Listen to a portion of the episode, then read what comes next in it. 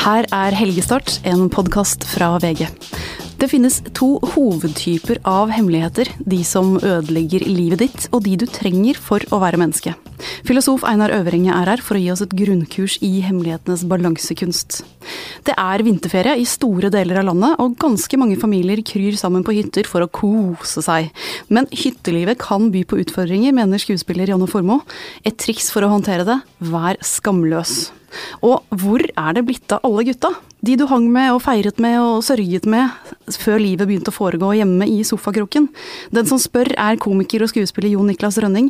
Vi skal forsøke å finne et slags svar. Men eh, først så har jeg lyst til å ta en liten gallup i gruppa. Eh, Janne Formoe, har du en hemmelighet? Jeg tror jeg har mange hemmeligheter, jeg. Absolutt. Jon Niklas? Jeg har en del hemmeligheter. Noen ganger kan jo hemmeligheter være limet i et liv, til og med. Men uh, Det trenger ikke å være så alvorlige mørke, men, men de, de, ligger der de daglig. Finnes, ja. Eh, Einar Øvrenge? Ja da, det er vanskelig å leve uten å ha hemmeligheter. De begynner å ha det veldig tidlig. Idet du får språk, så får du anledningen til å holde ting for deg selv. Men du må ha språk først. Altså, jeg husker min datter på vei hjem fra barnehagen, da var hun tre år gammel, og, sånt, og sa til meg at pappa, jeg har laget en hemmelighet til deg i barnehagen i dag, men jeg kan ikke si at det er en tegning, for da er det ikke en hemmelighet lenger. men altså, ordet hemmelighet, det kommer rett og slett av hjem? Det heimlige. Mm, det som hører hjemmet til. Så det har med grenser å gjøre, da. Og vi har et hjem, ikke sant. Vi bygger en vegg, og kanskje et gjerde utenfor veggen mellom oss og verden, og så er det opp til oss å slippe noen inn om vi ønsker det. Eh, og så kan du kanskje si at Men allikevel, det er andre folk der inne på hjemmet, om det så er hytta. Det er noen flere der. Så kan du bli et hjemme deg selv, da, hvis du setter noen grenser. Mm. Uh, og, og, det begynner Vi har det ikke med en gang. Jeg har en sønn på litt over ett år, jeg tror ikke han har noen hemmeligheter, men han har ikke noe språk. Men jeg har barn som er litt eldre, og de har det definitivt. Idet du er i stand til å fortelle ting om deg selv, så er du også i stand til å ikke gjøre det. Og det er faktisk ganske viktig å gjøre begge deler. Både vise seg frem, men å ikke vise seg frem. Og det er vi i stand til. Men for barn så er jo hemmeligheter nesten som en valuta. Altså, kom hit, jeg skal hviske deg noe. Da blir du straks litt interessant i, i vennegjengen. Du får en viss verdi i venneflokken hvis du har en hemmelighet. Ikke bare blant barn, men det fins endog avisredaksjoner som betrakter det som en valuta. endog løssalgspressen. Ja visst det er valuta, for vi, vi, mennesker er relasjonelle. Vi lurer på hvordan andre mennesker har det inni seg. For vi, vi forstår oss selv ved å sammenligne oss med andre mennesker. Men det er rått parti, for vi kjenner andre fra utsiden og oss selv på innsiden. Og Groucho Marx, den amerikanske humoristen, sa en gang at han vil ikke være medlem av en klubb som vil ha han som medlem, han har større ambisjoner enn som så.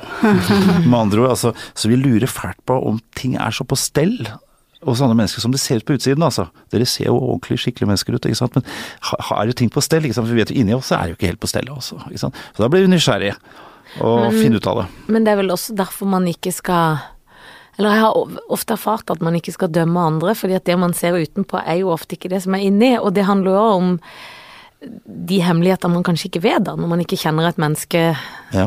Og så handler det òg litt om det der derfor folk er så glad i sånn Se og Hør og sladring og sånn, for vi føler vi får del i noen hemmeligheter. Ja, og det er faktisk, ikke sant, du kan mene hva du vil om det, men det har en sånn, sånn eksistensiell side ved seg. Altså, ikke sant. Altså, En ting er at folk går ut i det offentlige rom og sier nå sier jeg noe, med, jeg si, kronikk, nå mener jeg noe, les det og kaller meg en idiot eller noe sånt. Men så lurer folk, ja men hvordan er det ellers? ikke sant?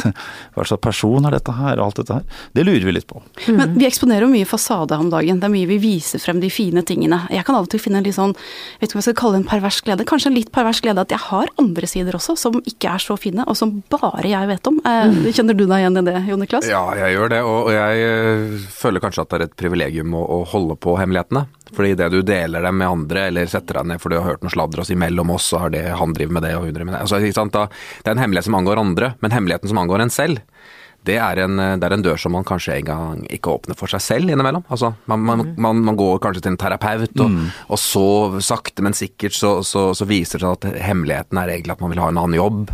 Man er mm. ikke.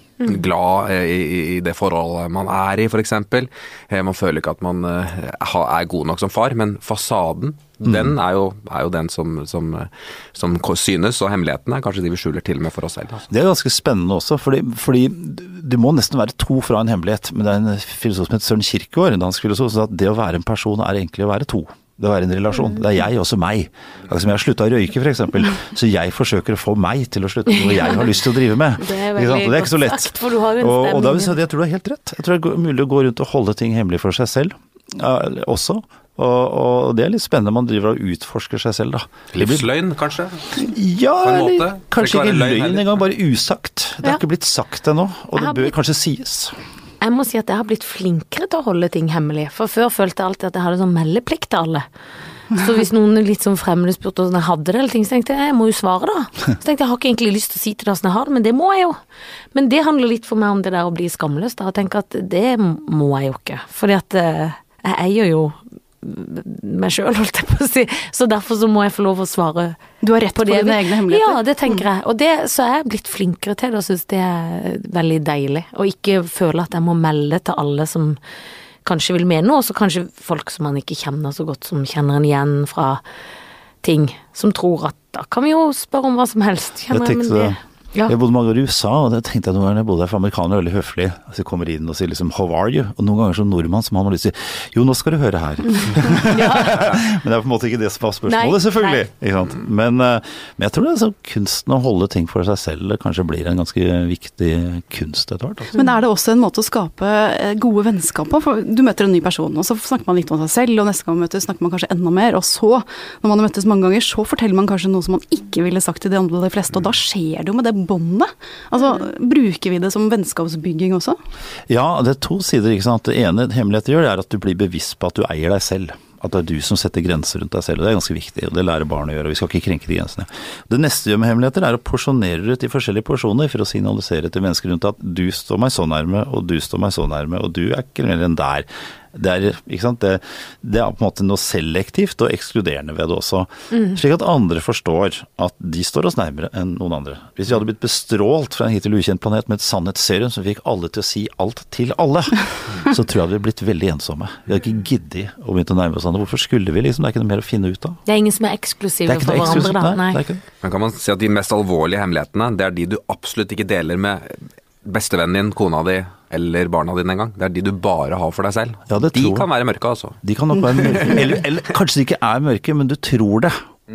Altså Jeg tror f.eks. mennesker som har eh, alternative seksuelle legninger, eh, som går rundt og tenker at, for, at, de, at de hemmelighetene er forferdelig mørke, men så får de språkliggjort og sagt det, så er de ganske lyse, mm. kanskje. Men, men i utgangspunktet virker det veldig skremmende og mørke, f.eks. Så er det jo noe språklig at i det du forteller en hemmelighet, så opphører det å være en hemmelighet. Så da er, da er det på en måte forbi.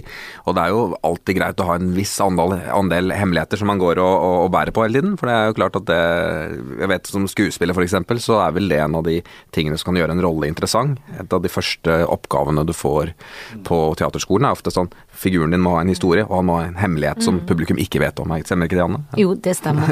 Det er alltid interessant når en rolle har en Eller en Det er hemmeligheter. Men kan vi si at et tips kan være eh, bevisstgjøring? Altså hvis du klarer å klassifisere eh, hva slags type hemmelighet er dette for deg, hvem skal jeg dele den med, hvordan kan jeg bruke den i livet mitt, hva skal jeg ikke gå ut med?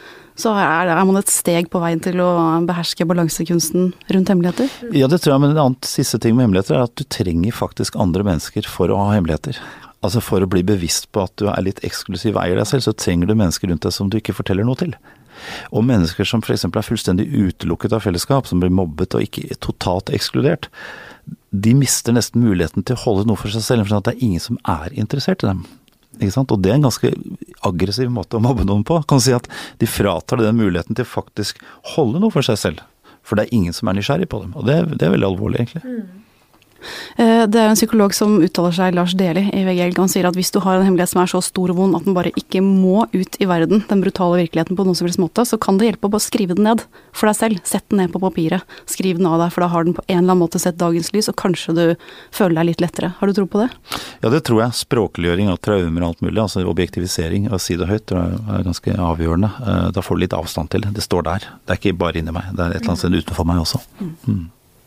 Vi skal videre til eh, vinterferien. Den skjer denne uka og neste uke rundt omkring i Norge. Skolene tar fri, mange familier setter kurs til hytta for å være sammen og kose seg i så mange vennekonstellasjoner og slektsledd som overhodet mulig. Eh, Janne Formoe, du skal på lufta med TV Norge i mars med TV-serien neste sommer, og du er jo nærmest blitt ekspert på norsk hytteliv nå. Jeg er jo blitt en slags hyttevenn, holdt jeg på å si. Ja, det vil jeg si. Eh, Det, og jeg er jo fra Sørlandet hvor vi har hytte. Så, og det er jo tett og godt med familien på hytta, det vil jeg jo absolutt. ja. Og det er vel det vi prøver å beskrive i neste sommer, eller vise det hyttelivet som jeg tror veldig mange nordmenn kjenner seg igjen i. At nå er det sånn, nå skal vi kose oss, nå er det ferie, og alle tett, tett sammen med svigermødre og svigerfedre og søsken og alt. Og det er jo på godt og vondt.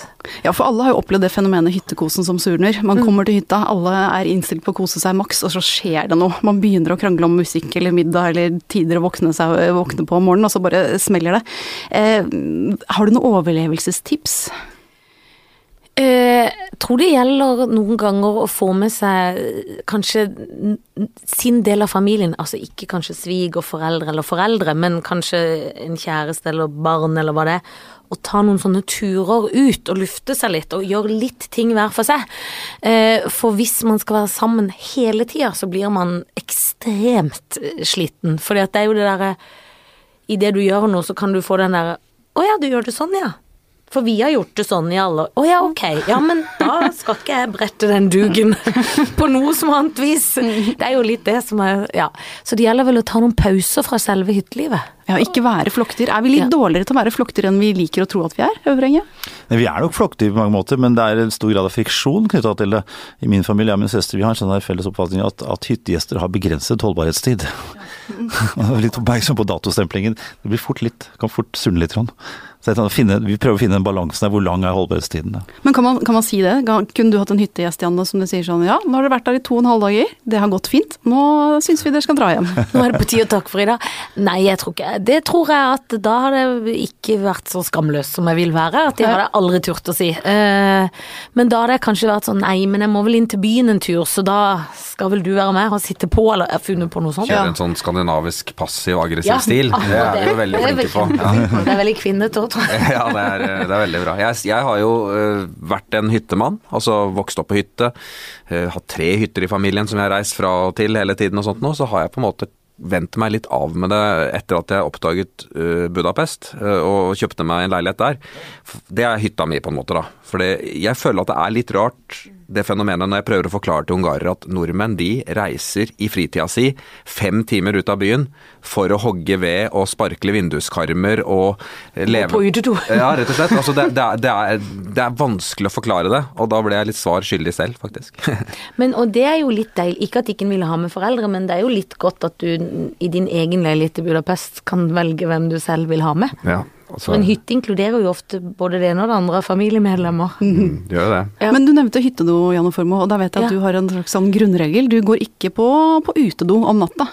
Nei, det er ikke lov det. Fordi at du skjønner vi, eh, på den ene hytta jeg pleier å være, så er det ikke hverken strøm eller vann eller noe. Og da på den utedoen, hvis alle går øh, øh, på eh, nummer én, eller tisser da, for å si det rett ut, på godt norsk, så blir jo den så veldig fort full, for vi må jo tømme den. Så da må man gå på, alle jenter må gå på potter, mennene kan jo bare gjøre det hvor som helst, holdt jeg på å si. Så jeg går mye på potte, både på, egentlig dagen òg må man gjøre det, men der jukser jeg litt Veldig ganger. interessant. Ja. Ja, Du har den under senga da, eller hvor står den? den er under senga på natta, ja, og så er han litt sånn ute i noe i nærheten av toalettet eller doen på dagtid. Og da kan man møte slektninger. Det har jeg gjort, fordi at en gang jeg sto og hadde eh, tissa på denne potta, det var på Høylystad, altså, så må han jo reise seg litt for å få tørka seg, for å si det rett ut. Og da kom svigerfaren min. og da var det sånn Hei, hei! Å, hei! Å, der var du, ja! Og da tenkte jeg sånn, det er godt at jeg ikke er så jålete, for da måtte vi bare le av det. Og da var det bra at jeg fikk et glass vin av min svigermor. Men, men hvorfor er det sånn at vi skal rase ut i hytta, og at det er så viktig for oss, eh, når vi egentlig kunne reist verden rundt og reist behagelig? Altså, det er jo noe erkeskandinavisk, føler jeg, over det. Eller kanskje med norsk, er det ikke det? Ja, til og med norsk, ja. Danske gytere har en viss komfort, eh, har de ikke det? Det er liksom både det ene og det andre der. Der Norge skal, så Milliardærer ynder jo å dra til hytter uten strøm, do, vann, Ja, sant. Så vidt det er tak, ikke sant. Skal fryse litt og sånt. Mm. Men det å dra med hele familien, det er vel et familieaspekt der òg? For det å ta med svigerforeldre og onkler og tanter til Budapest, det er kanskje litt voldsomt, eller gjør du det også? Eh, Ja, ambisjonen er jo det, selvfølgelig. Men, eh, nei, men det er jo kanskje den eh, viktigste delen av det, er jo familiesamlingen, da. Som du er inne på her, at vi faktisk benytter anledningen til å møtes. Og at det blir en tid hvor vi spiller yatzy og kort og lage felles middager og sånt noe. Men, eh, men det blir jo fort trangt, da. Det gjør det, men det er noe vakkert i det òg. Altså, min datter øh, opplevde jo eksempel den siste sommeren hvor hennes oldeforeldre hadde på den hytta, og det må jeg jo si var en veldig gave. Da var hun bitte liten, kanskje fem år. Eh, Men det syns jeg jo er veldig hyggelig, for de husker jo veldig godt at hun hadde en hel sommer med oldeforeldrene sine og fikk veldig sånn nær kontakt med de. Og det er jo noe fint, syns jeg da, at man er sammen på den måten. Og så kan man gjøre begge deler. Barna kan være på hytta med oldeforeldre, og foreldre kan dra til Budapest eller andre steder. Det kan man jeg- En ting jeg liker på hytta, det er at når prøver å få alle de andre i seng, og være den som sitter igjen alene utover kvelden foran peis med glass vin og sånn, det syns jeg er vakkert. Å få den der deilige at nå er alle laks alle borte, men jeg sitter her, og de er der oppe, altså, men nå har jeg Ja, for det er litt koselig at jeg er i nærheten òg. Ja, de er der, liksom, og jeg hører de, men nå sitter jeg her, liksom. Det, det, er, det er vakkert, syns jeg. Så litt sovemiddel i kveldspunsjen til de andre, og så får du utsikten for deg selv. Ikke testa akkurat det, men øh, nei, jeg legger meg så sent uansett, så de, de havner i seng før meg, altså. Det er bra. Vi kan slå et slag for, eh, for å få hytteboerne tidlig i seng og, og nyte utsikten selv. Eh, vi skal videre, Jon Niklas Rønning. Eh, du slipper jo et stort hjertesukk i VG Helg denne uka og spør hvor var du da vennegjengen din døde? Hva er det som har skjedd? Det skjedde jo at vi fikk barn, ble 35 år. Eh, altså, vi, vi sluttet å ringe hverandre, rett og slett. Eh, vi hadde som ambisjon å ringe hverandre, men eh, vi ble sedate og prioriterte AS-familien framfor gamle guttegjengen.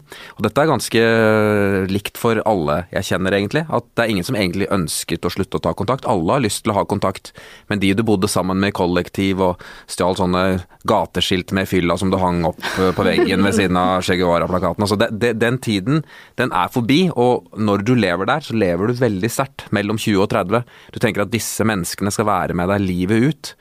Og så blir vi tiltaksløse, og vi bortprioriterer vennene våre.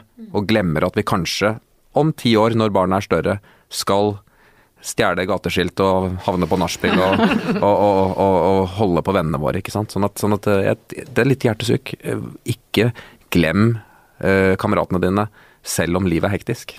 Men altså det, det å møte en livsledsager da, og starte en familie, det er jo alvorlig business. Men gjør vi det litt for alvorlig? Altså Gjør vi det litt verre for oss enn det er, Øvrenge, med all denne Jeg vet ikke, men kanskje du snakker om noe som menn er mindre flinke til enn kvinner.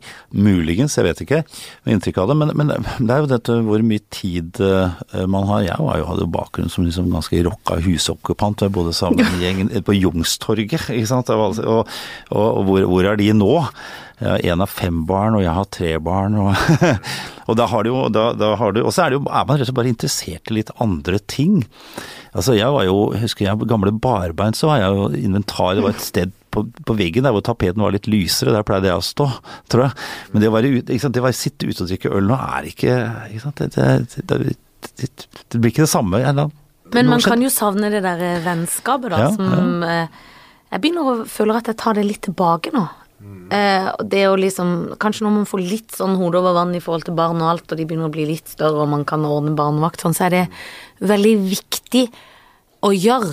For jeg kan også kjenne Nei, uff, jeg blir bare hjemme, det var mye deiligere likevel. Men så er det det å tvinge seg sjøl til å si sånn Onsdag sånn og sånn, så må man ofte kanskje lage en avtale to måneder fram i tid for at alle skal få det til, men da blir det så veldig fint. Men det er akkurat som det skjer noe inni hodet òg. For når man møtes da den onsdagen, det er gått tre måneder siden man har sett dem alle sammen, så er man liksom stive og rar og sier sånn ja, åssen går det på jobben da? Er det, trener du mye om dagen, eller? Og så blir det ikke den derre hvor er leopardskinnet som vi tok ned fra den hengeren ute i den bakgården den gangen og løp av gårde med det? Hvor er det blitt da? Ja, nei, det, er, det er nettopp det. Vi, vi prøver å tviholde på den samme dynamikken, og den er kanskje ikke der lenger. Altså, det er kanskje noe som kan virke litt sånn klamt med å være eh, nærmere 40 og stå med guttegjengen med, med høye viker i baren og, og prøve å fiske etter eh, rølpete damehistorier og den type ting. ikke sant? Det, vi er ikke der lenger, og så har vi ikke funnet en versjon av guttegjengen som er kompatibel med den familievennlige 2015-modellen, ikke sant? Og samtidig så er det jo sånn noen ganger at sånne gjenger nekter deg egentlig å utvikle litt. Det er sånn du har sånne reunions med ungdomsskolen og sånt nå, ikke sant. Klassene og sånt, du møtes, og så får plutselig alle den samme posisjonen de opprinnelig hadde. Og du får egentlig ikke lov til å ha utviklet deg. Ikke sant. Det var Røkke en gang jeg som sa at når han liksom besøkte guttegjengen oppe i Molde og sånt, og så var han liksom midt på treet sånn av det å være populær, liksom. han havna liksom tilbake der. Og, og, og, og det er også, det, så, så, så, noen ganger så kan gjengene bli litt sånn klamme, da. Du, du får egentlig ikke lov til å bli en annen. Nei. For det driver jo og blir da, ikke Ja. sant. Men hvis man, hvis man tenker liksom tradisjonelle småbarnsklemma, da, hvor alle klager om at det er så mye aktiviteter som skal følges opp, eh, man skal prestere på jobb, man skal på trening, man skal døgnet går bare ikke opp. Går det an å prioritere beinhardt, si til lille Nikoline og Fredrik at eh, dessverre så blir det ikke noe aktiviteter på dere i vår, fordi mor trenger tiden til å pleie sine egne interesser og relasjoner, da blir vi alle lykkeligere. Da øker stemningen hjemme. Går det an, eller er det helt eh, Ja, det går an. Altså, og kanskje har ungene godt av det i én forstand, da. Ikke sant? Fordi vi er Vi yter altså, jeg husker ikke mine foreldre. altså Jeg husker at de sendte meg ut om morgenen, og så kom jeg tilbake på ettermiddagen, og hva jeg drevet med i mellomtida. Altså, litt sånn, da. ikke sant? Det høres ut som du var 101 år. Ja, ikke helt. Nei. Nei. Men, men, jo, men det har skjedd noe der. altså Vi driver utrolig mye service for ungene våre. altså. Ja, vi, vi gjør det. Og det, det slo meg, grunnen til at jeg skrev denne her, var at jeg hadde prøvd å booke inn en eh, middag med bestevennen min i to år. Og, og, og vi ringte hverandre sånn cirka hver tredje måned og hadde som ambisjon dette må vi få til, snart må vi få det til. Og hver gang så var det nei, nå var det noe barnebursdag nå, så jeg må ordne til det, eller nå må jeg opp på hytta og fikse noe greier og sånt. Og sånn ikke sant? Vi, vi bare utsatte det, og det passet aldri. Og til slutt så sa jeg nå må jeg ta kompisen min tilbake, eller så mister jeg vennskapet. Og fordi det å ikke velge hverandre, det er også et valg. Man kan, man kan gå gjennom hele livet og ikke velge noen ting, og da ble det valget ditt. ikke sant? Så, så jeg vil slå et slag for det at, at vi må sette av tid, og vi må huske at hvis vi nedprioriterer vennene våre, så forsvinner de sakte, men sikkert. Og da eh, mister du det du har bygd eh, opp gjennom kanskje 10-15 år. Kan det også være litt skadelig for oss som mennesker at vi blir så skikkelige? Altså, jeg kan tenke at å, jeg skulle gjerne gått ut på den baren i kveld og snakka med dem, men jeg skal jo, ha jo en jobb, og jeg skal levere barnehagen, og ting må være skikkelig. Norge har blitt sånn aldersfiksert. Vi er sånn, sånn, sånn, mens du drar til en del Mellom-Europa, Syd-Europa og sånt, og så liksom møtes hele gjengen. Altså, ikke sant? Det er en helt annen greie. I Norge så det skal du gjøre fra 20 til 30. 30 til 40 skal det være sånn. Altså, vi, er vi er ekstremt konforme i Norge, altså. Vi er faktisk det, altså. Det er sånn det skal være i de etappene der. ikke sant? Drar du liksom til restauranter sånn i Spania eller Italia, sånt, så er det ikke sant? Det, Alle er med, De er ikke så alle- så aldersfascister, da. ikke sant? Som gjør at eh, alle kan være i det moduset der.